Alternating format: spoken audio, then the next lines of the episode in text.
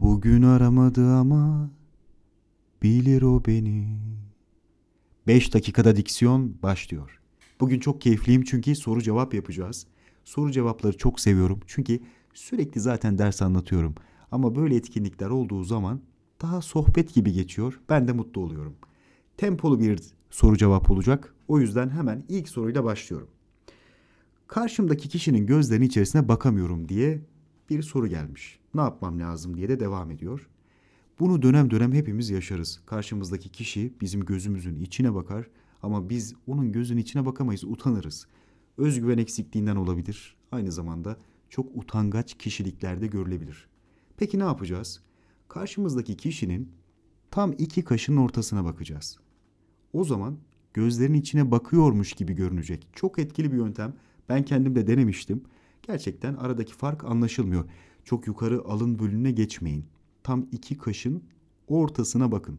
O zaman karşıdaki kişi Aa, gözümün içine bakıyor diye düşünecek. Peki diyeceksiniz ki tamam bunu yaptım. E ama ben göze bakamıyorum. Onu nasıl çözeceğim? Zaman içerisinde göz bebeklerine doğru ara ara kaçamak bakışlar atın.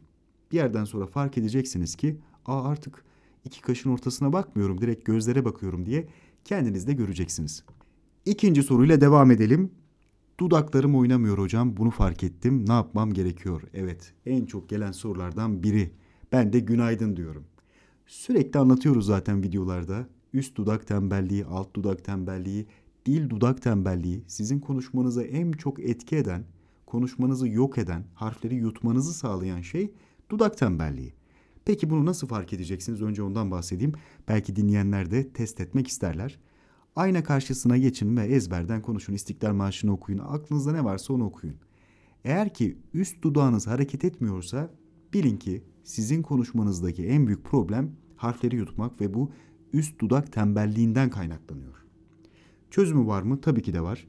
Bir tane kurşun kalem alacağız. Bakın ben de şu an burada aldım. Isıracağız bunu. Isıracağız ama çok geriye götürmeyin. Çok öne de değil. Böyle ortalarda bir yerde dursun. Dudakları biraz zorlasın.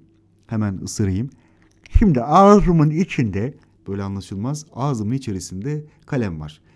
Bu şekilde 5 dakika kitap okuyacağım. Sonra kalemi çıkartacağım. 5 dakikada kalemsiz kitap okuyacağım. Daha kalemi çıkartır çıkarmaz okumanızın daha güzelleştiğini kendiniz göreceksiniz. R harfini söyleyemiyorum ne yapmam lazım diye bir soru gelmiş. Bizi çok fazla R pelteyi arkadaşımız takip ediyor. Hemen bir egzersizle devam edelim. R harfini söyleyemiyorsak dil ucumuz damakta titremiyor demektir. Yani hemen bir örnek yapalım. Rrrr, bu şekilde titreme yapamıyorsa orada R peltekliği mevcut. Peki bunun bir çözümü var mı? Kesinlikle var. Öncelikle şuna konsantre olmak gerekir. Dili yukarıda damakta nasıl titretebilirim? Bu sesi bir şekilde yakalamamız lazım. Çocuklarda genelde araba sesi yaptırılmaya çalışılır. İşte tır tır diye. O sesi çıkartırken çocuk R harfini kullanmayı öğrenir. Peki yetişkinler için bir yöntem var mı? Kesinlikle var. Ne yapacağız? Patlayan bir sese ihtiyacımız var. Benim için en etkili olan P harfi. Yanına bir I harfi koyacağım. Sonra da R harfini koyacağım. Şu şekilde olacak. Pırrrr. Bunu 10 saniye boyunca çıkartmayı deneyin. Tabii ki ilk başlarda olmayacak. Alakası bile olmayacak. Büyük ihtimal şöyle çıkacak. Tırrı tırrı diye.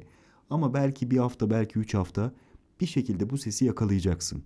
Bu arada sadece P harfine bağlı kalmana gerek yok. Ne yapabilirsin? Patlayan bir ses lazım. T olabilir. Başka Ç olabilir.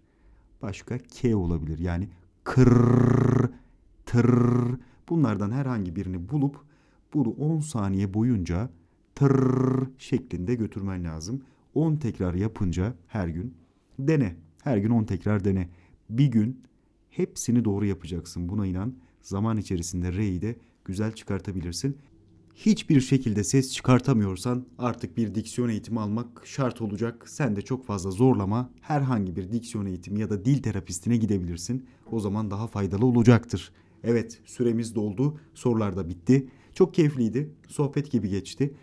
Diksiyon sayfası at gmail.com'dan bana sorularınızı iletebilirsiniz.